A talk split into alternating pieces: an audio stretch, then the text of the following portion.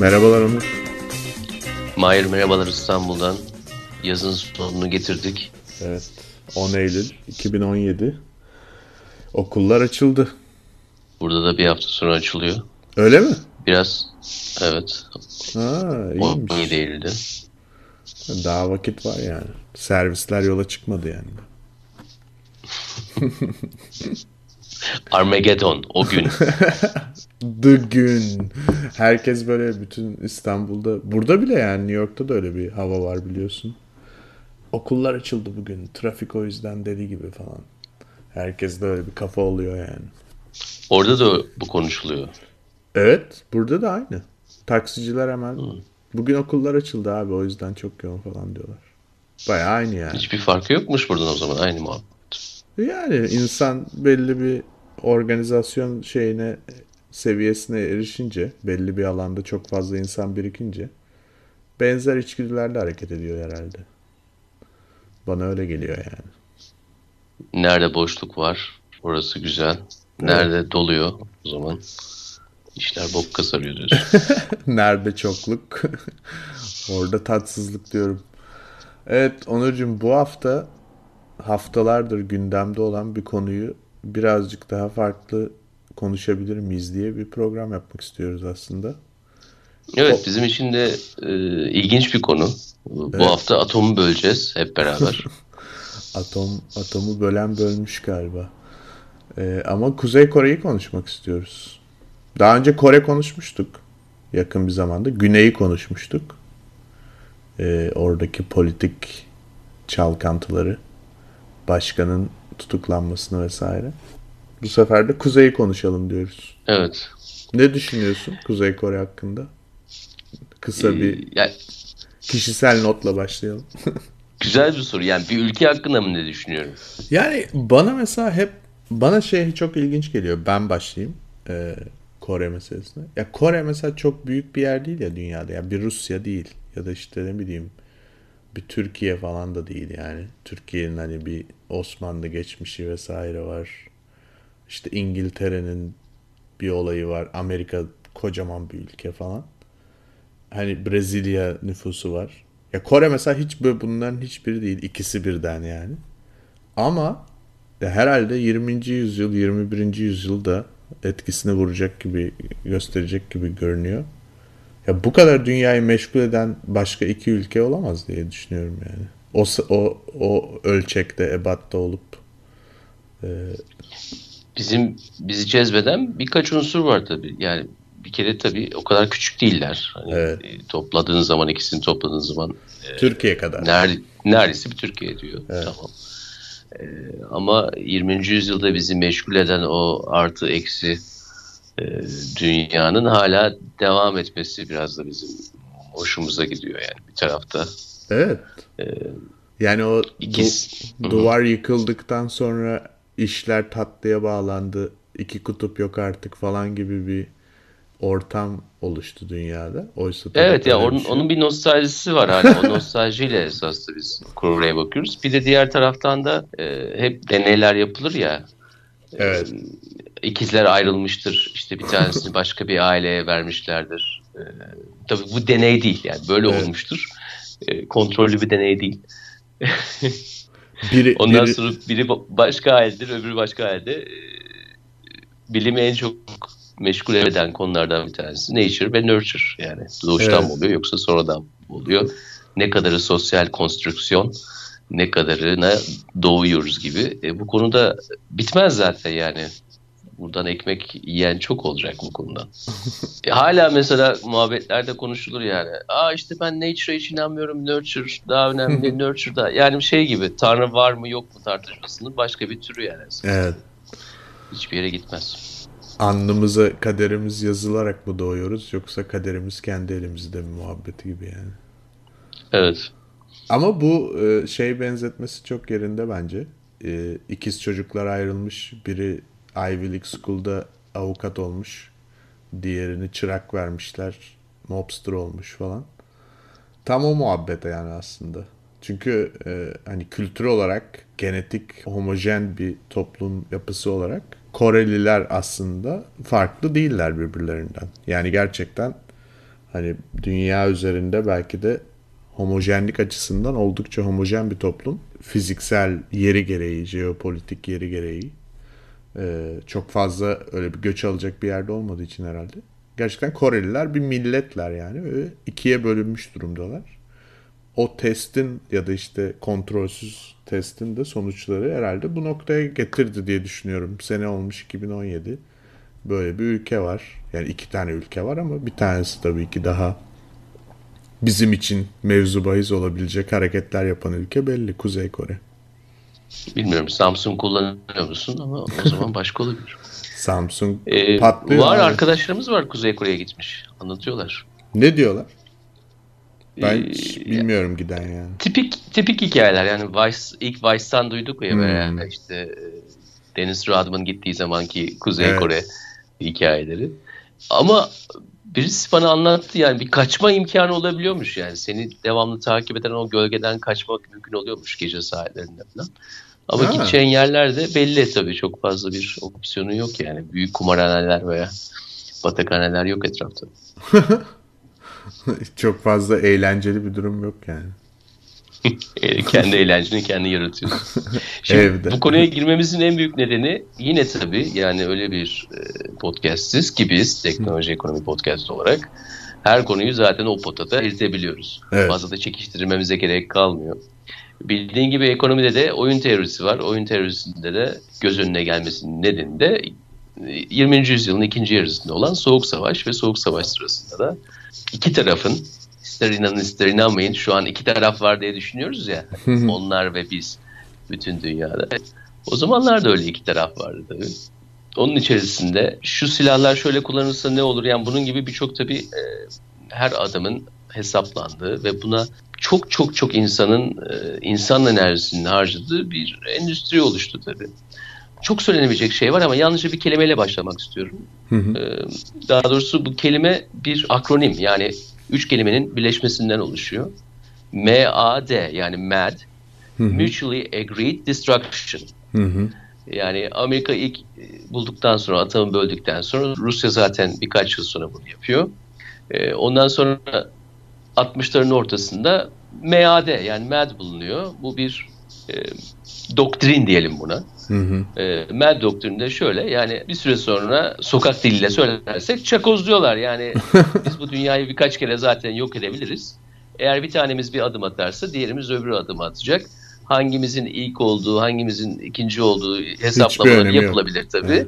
Ama sonuçta gideceğimiz yer belli. Yani Mutually Agreed Destruction. Ve MAD de güzel bir akronim çünkü deli anlamına geliyor.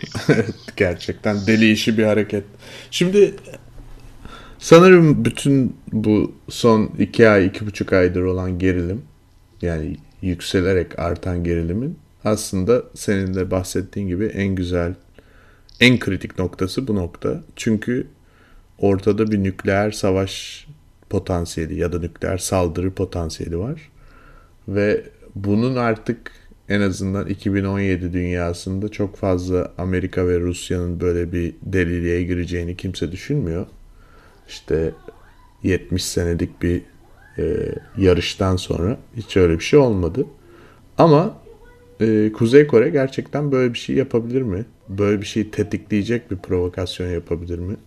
Gibi bir endişe var. Bence bu endişeyi iki boyutlu okumak gerekiyor. Birincisi gerçekten Kuzey Kore'de ne var? Şimdi İlk önce istersen ondan bahsedelim. Yani Evet. biraz bu konular konuşulduğu zaman ister bizim yerel medyada ister e, uluslararası medyada tabii olayın stok tarafından çok bahsedilmiyor. Yani şu şu şu var, şu şu etki yapabilir.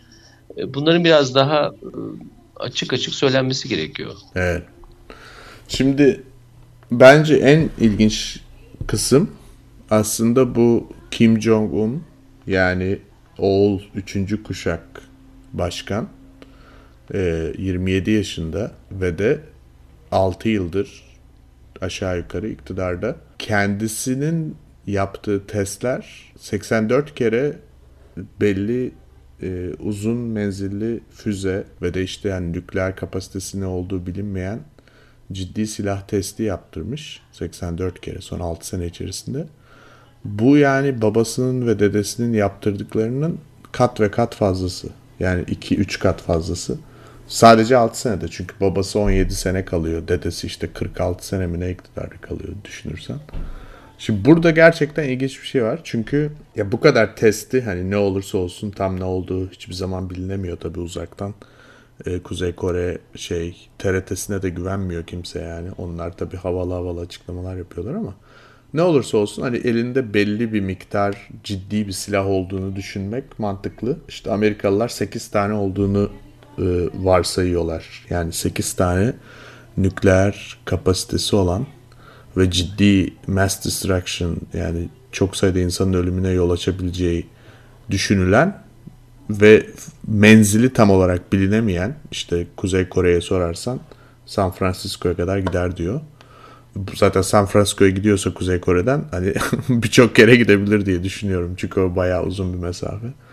Ee, böyle bir füze e, şeyinden, envanterinden bahsediliyor. İşin en bence ilginç kısımlarından biri tam bir hafta önce yeni bir yani hatta yapay bir depreme de sebep olan bir bomba denemesi yaptı. En son yaptığı deneme bu Kuzey Kore'nin ve bu baya büyük bir yankı uyandırdı. Çünkü kendi ajanslarının söylediğine göre bu bir hidrojen bombası testiydi.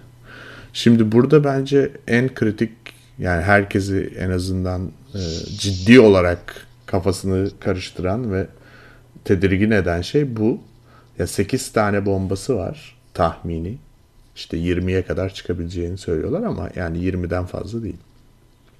E, fakat bunlardan kaç tanesi ya da işte hepsi mi acaba hidrojen bombası tarzında bombalar ya da işte füzeler diye düşünülüyor. Şimdi burada tabii... So, bu noktada bir duralım. Yani duralım. Amiral Battı oynamaya başlıyorlar. Aynen. Kafalar bir şekilde onlarda şu varsa şu kadar gidebilirler. İşte menzil tartışması var. Nükleer başlık evet. kaç tane tartışması var. Bir de tabii hani hidrojen bombası olması bunun evet. e, ne anlama geliyor? Yapacağı tahribat açısından. E, Şu anlama geliyor. Bilmeyenler için söyleyelim. Atom bombası hidrojen bombasından farklı bir bomba. Çok daha küçük. Tahmini etkisinin bin kat daha az olduğu. Yani Hiroşima ile Nagasaki'ye atılan bombalar ki biz tabii ki o zaman yaşamıyorduk ama videolardan, fotoğraflardan gördüğümüz felaket bir şey yani. Onun bin kat daha güçlüsü hidrojen bombası. Yani New York'a attığında mesela New York eyaleti diye bir şey kalmıyor yani. Yani komple gidiyor yani.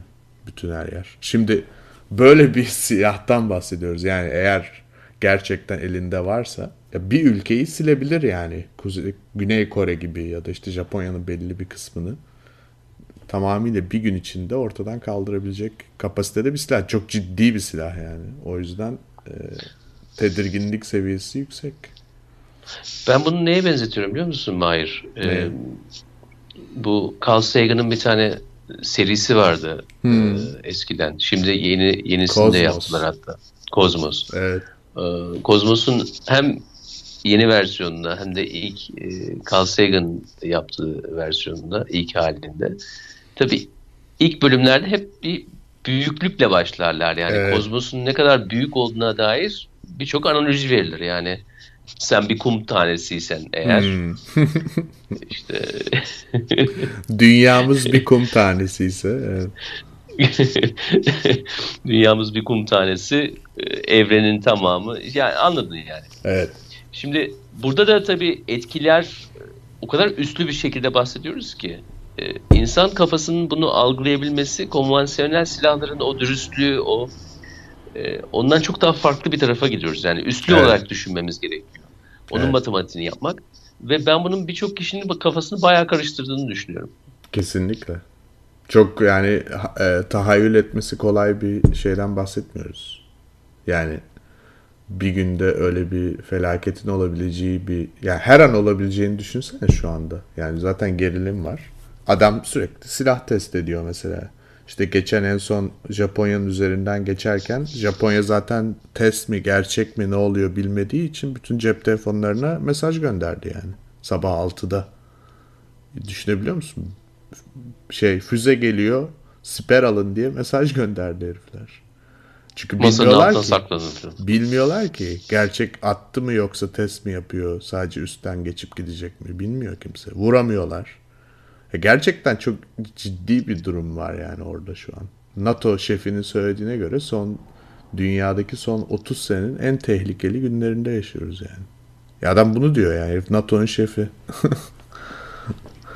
yani e, ama dediğinde çok haklısın. Gerçekten bir tahayyül sorunu var. Çünkü e, buradaki zaten normal konvansiyonel silah karşılaştırmasını yapmak bile gereksiz. Yani Güney Kore, Kuzey Kore'nin 50 katı GDP'si olan bir gayri safi milli hasılası olan bir ülke. Yani bunu anlamak da gerçekten birazcık şey garip geliyor kulağa ama 50 katı.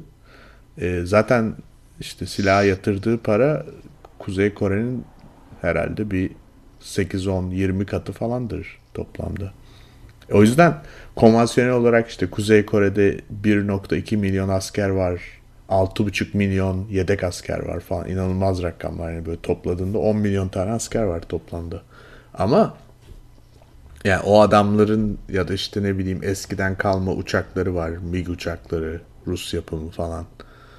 İşte dünyanın en büyük topçu şeyi varmış mesela. Kuzey Kore'de. Tugay'ı. Yani dünyadaki, yani Amerika'dan büyük yani öyle düşün. O kadar çok şeyi var yani. Topu ve uçak savarı vesaire ama hepsi çok eski. Ya yani bunlar böyle ilk mesela diyelim hakikaten bir taarruz oldu.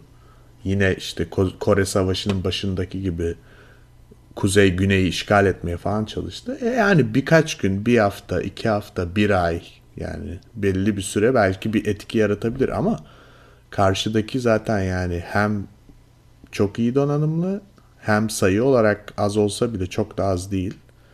E bir yandan da da Amerika var, Japonya'sı var, osu var, NATO'su var, şusu var, busu var. Yani Kuzey Kore'nin içinde bulunduğu tamamıyla bir hayal. Ama o diğer 8 silah ya da işte 20 silah ya da işte o denediği hidrojen bombası yani gerçekten öyle bir şey varsa o zaman orada daha önce dünya tarihinde tahayyül edilmemiş asimetrik bir şey durum var. Yani çünkü e, sınıra 40 kilometre olan bir, bir başkent var yani. Seul milyonlarca insanın yaşadığı bir yer. Yani öyle şey menzile falan da ihtiyacı yok yani San Francisco'ya gidiyor oraya kadar uzanıyor falan demesine gerek yok. Seul'e atabileceği ciddi bir bomba zaten bir kıyamet senaryosu yani. O zaman biz genelde güçler dengesinden bahsettiğimiz zaman olayın sayısal değerleri tablolaştırılabilir, grafikleştirilebilir. İşte şunda şu kadar var, bunda bu kadar var. Şu an hani nükleer bomba olan birçok e, ülke var evet. Ülke Pakistan'da var. bile var yani. Öyle diyeyim sana. Değil mi? Şu an biz burada bunları konuşurken birçok denizaltı dünya sularında gidiyor. Tabii evet. çoğu Amerikan denizaltısı olmak üzere, İngiltere dahil olmak üzere. Bunların da elinde tabii o silahlarla devamlı bunlar dolaşıyorlar yani dünyayı. Evet. Denizaltılar dolaşıyor bunlarla. Düşünebiliyor musun? Ne kadar ilginç bir dünyada yaşıyoruz. Ama bu, bunlar tablolaştırılsın hani bir taraf çok ağır olsun, çok daha fazla silah olsun ama bence neyin ne tarafın daha fazlası olduğundan daha başka bir konuşma tarzına geçiyoruz burada. Evet. Ee, bu insanlık için zor. Biz çünkü biraz güçlünün kazanmasına çok alışmışız. Hı hı. Ee, ondan sonra işte ah tahribat olsa bile ne olacak ki hani küçük bir sıyrık olacak. Ben adamın şey burnunu kırdım hani sokak kavgasında. Ben de küçük bir sıyrık oldu diye geçiştiririz mesela yani. Ee, kazanç ve zararı e, böyle e, hikayeleştirebilirsin. Evet. Ama burada onu yapamıyoruz. Yani atomun bölünmesinin bizim için son 60-70 yıldaki anlamı bu zaten. Yani bunu yapamayacağımızı anlıyoruz. Ve bundan dolayı da e, böyle bir siyah koyun derler ya. Evet. E, Amerikan İngilizcesinde. Yani böyle bir siyah koyun olduğu zaman da onunla ne yapacağımızı bilemiyoruz. Tabii ki hani çok onu ötekileştiriyoruz ve onu çok insansızlıktan da uzaklaştırmaya çalışıyoruz. Bence Kuzey Kore dışındaki ülkelerin şu anda yaptığı esas da o insansızlıktan uzaklaştırmak evet. ve e, nedendir bilinmez hep başvurduğumuz bir yöntem. Yani hep ötekileştirirken onu insansızlıktan alıyoruz. Onları başka bir şekilde sokuyoruz ve sanki bizden daha deliler, e, gibi davranmaya çalışıyoruz. Ve bu, bu çok büyük bir yanılsama olduğunu düşünüyorum. Çünkü tamam çok müthiş bir infrastructure olabilir, kurumsallık olabilir, bir geçmiş olabilir.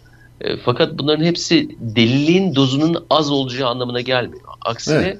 deliliğin dozunun e, raddesinin daha da art, artabileceğini ve bunun e, çok iyi bir şekilde anlaşılamayacağını çünkü seni göz boyayan o kurumlara sahibi olduğun için sanki birisinin arkanı kolladığını, birisi bunu düştür ya yapmayız biz de çok salak bir adım atmayız gibi böyle bir e, bir yanılsama var.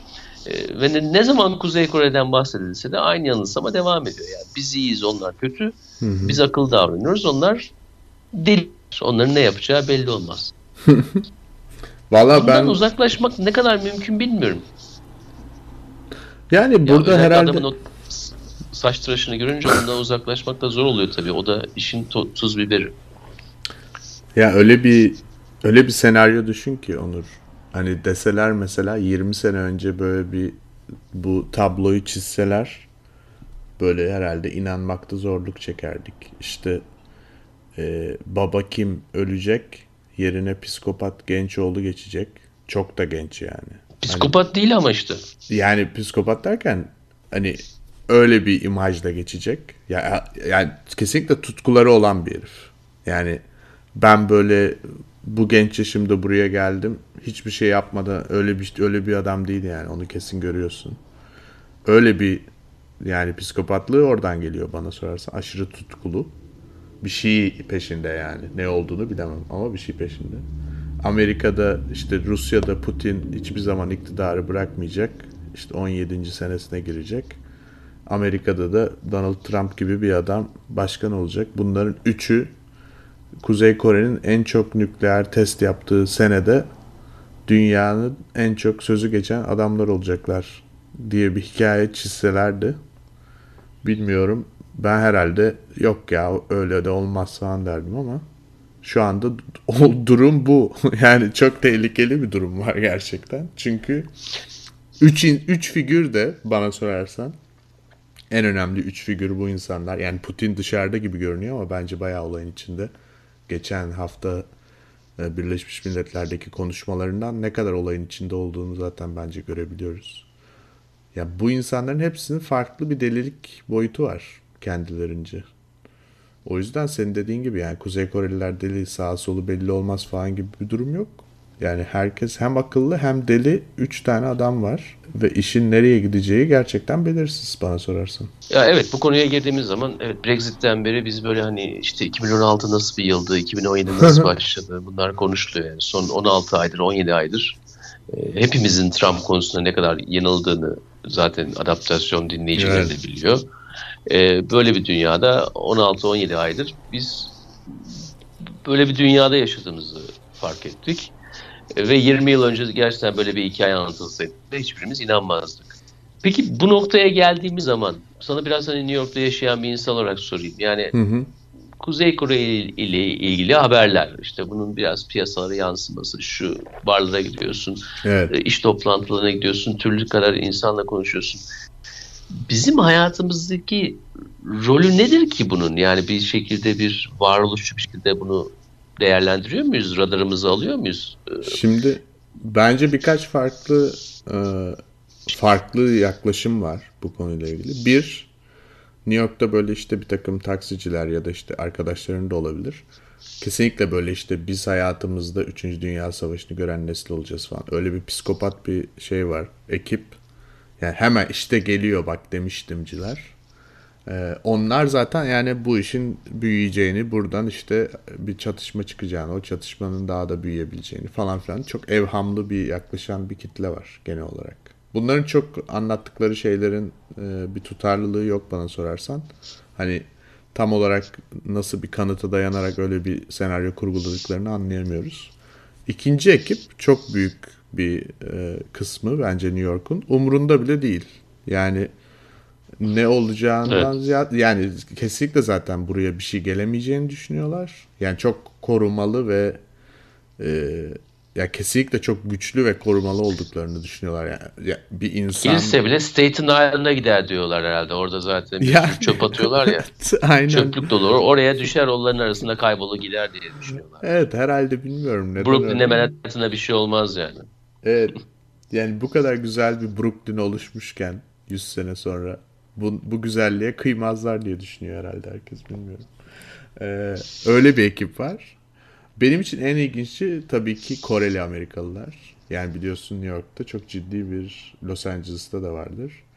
Ee, Güney Koreli daha çok. Ee, ama Amerikalı olan bir jenerasyon var yani. Çoğu da üçüncü kuşak falan.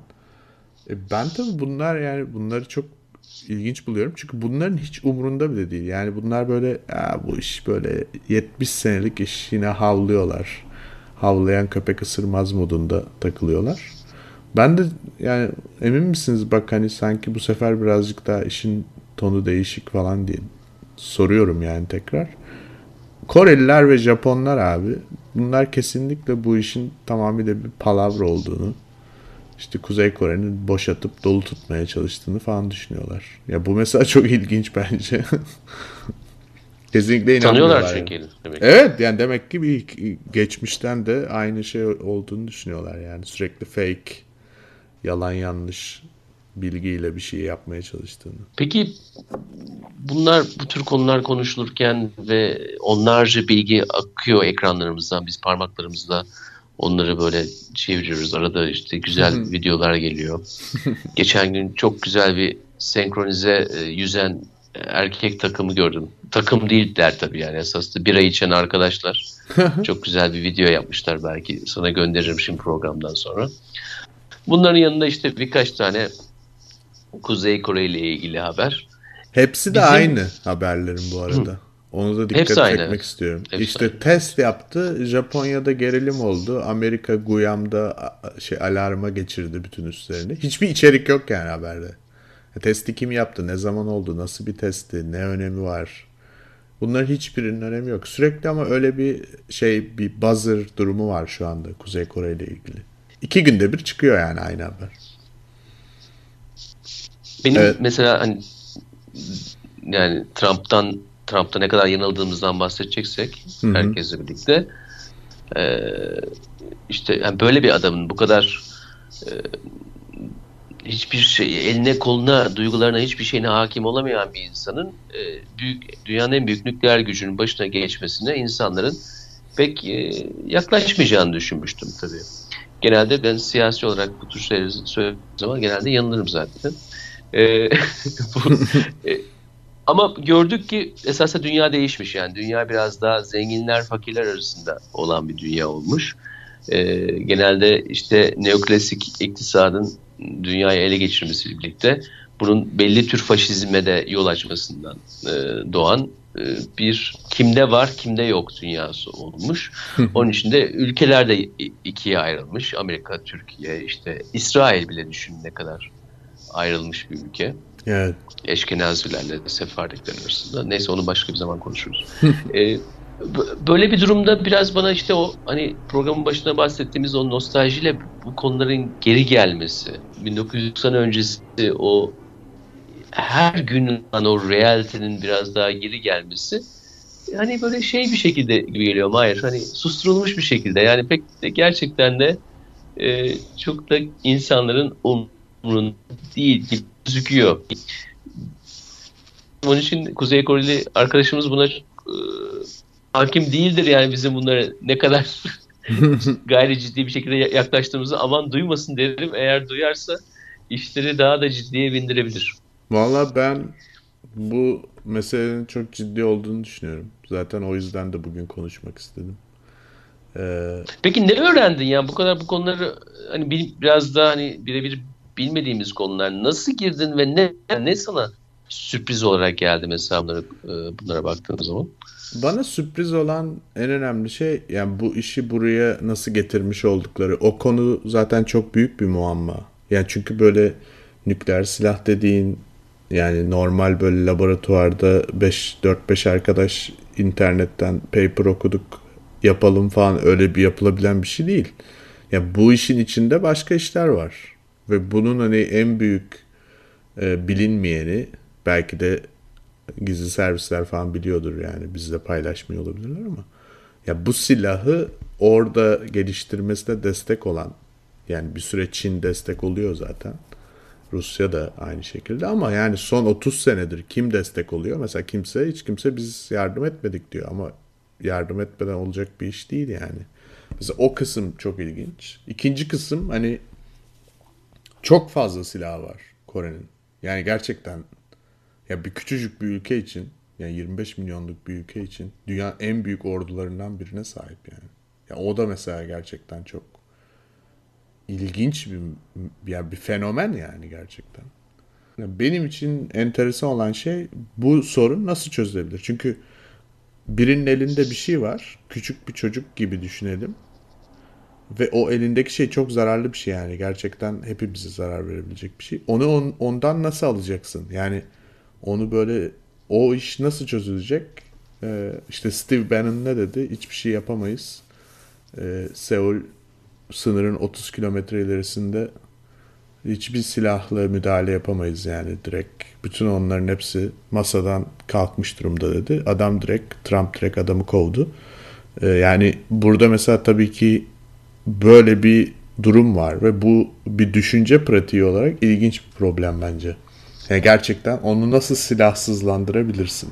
Putin diyor ki güven sağlamamız lazım. Bence doğru. İşte bahsettiğim bu literatür e, oyun teorisinin içerisinde olduğu literatür. E, evet. Genelde bunun sonunda hani hep hep aynı noktaya geliyorlar zaten. Yani e, elinden almak e, hani çocuktan oyuncağı almak e, dedin ya örneğini verdim. Evet. E, Putin haklı. Orada yapılacak şey güven sağlamak. O güven de illa ödün vermek anlamına gelmiyor ama e, içinde hep ötekileştirme olan bizden değilsin yani bir e, hayvansın insan değilsin veya sen bizden daha az gelişmişsin yani bu, bu bun, bunlarla hep devamlı devamlı devamlı bunları demek nasıl işte son 16 ayda dedik ya bunları denen insanlar bir şekilde e, hayır ya işte biz bu adamları seçebiliyoruz dediler mesela veya biz evet. Avrupa Birliği'nden uzaklaşabiliyoruz dediler. Ondan dolayı da bunun bir yol olmadığı kesin. E, evet. Bu da demek bizim o güzel e, ulu batı ideallerimizden ödün vermek e, anlamına da gelmiyor. e, demokrasinin beşiği olmadığı artık zaten batının anlaşıldığı için e, olayı ödün vermek e, işte biraz verelim biraz alalım şeklinde değil bence e, olayın narratifinin olayın e, hikayesinin biraz daha değişmesi lazım. E, bundan dolayı da e, şer üçgeni laflarının e, Bush'un kullandığı şer üçgeni laflarının hala bir devamını biraz daha yaşıyoruz. E, burada yapılacak şey bence politikacılara düşmüyor. Burada yapılacak şey bu tür e, politikacıların devamlı at koşturduğu konularda başka e, başka yerlerden ne tür e, önermeler gelir gelir. Belki seninle hani uyuşmadığım yerde şu olabilir. Yani ben problemin çözümü olarak bakmıyorum olaya. Yani veya elinden oyuncağın alınması olarak bakmıyorum ama ar- aradaki o mesafe nasıl kapanabilir? Yani o mesafenin bu kadar uzaklaşması e, beni en çok rahatsız ediyor burada. Evet. Ee, yoksa hani ellerinden bir şey alınabileceğini pek inandığımı söyleyemem yani artık. Onlar var yani hocam. Onlar orada duracaklar diyorsun. Onlar orada duracaklar. Ee, pek de yapacak bir şey yok. Yalnızca hani güvenli bir yere kapatabilirlerse iyi olur diye düşünüyoruz tabii evet. beraber. Evet Onurcuğum sanırım bekleyip göreceğiz. Ee, belki de neler olduğunu bir sene ya da birkaç sene sonra yeniden değerlendiririz diye düşünüyorum. Yani yarın olacaklar. Okullar açılıyor New York'ta. Bizde de bir hafta sonra. Valla bu düşündüğümüz nükleer başlıklı füzelerden daha beter şeyler de olabilir. Önce ben önce onu düşünelim. Saat kaçta kalkacağız? İşe nasıl gideceğiz? Köprü trafiğine nasıl olacak diyorsun. Köprüye 6.45'te de gidemeyiz abi. 6.30'da mı çıksak gibi şeyleri düşünelim. Peki Onurcuğum. Teşekkür ediyorum. Bir sonraki programda görüşmek üzere. Sevgiler Mahir.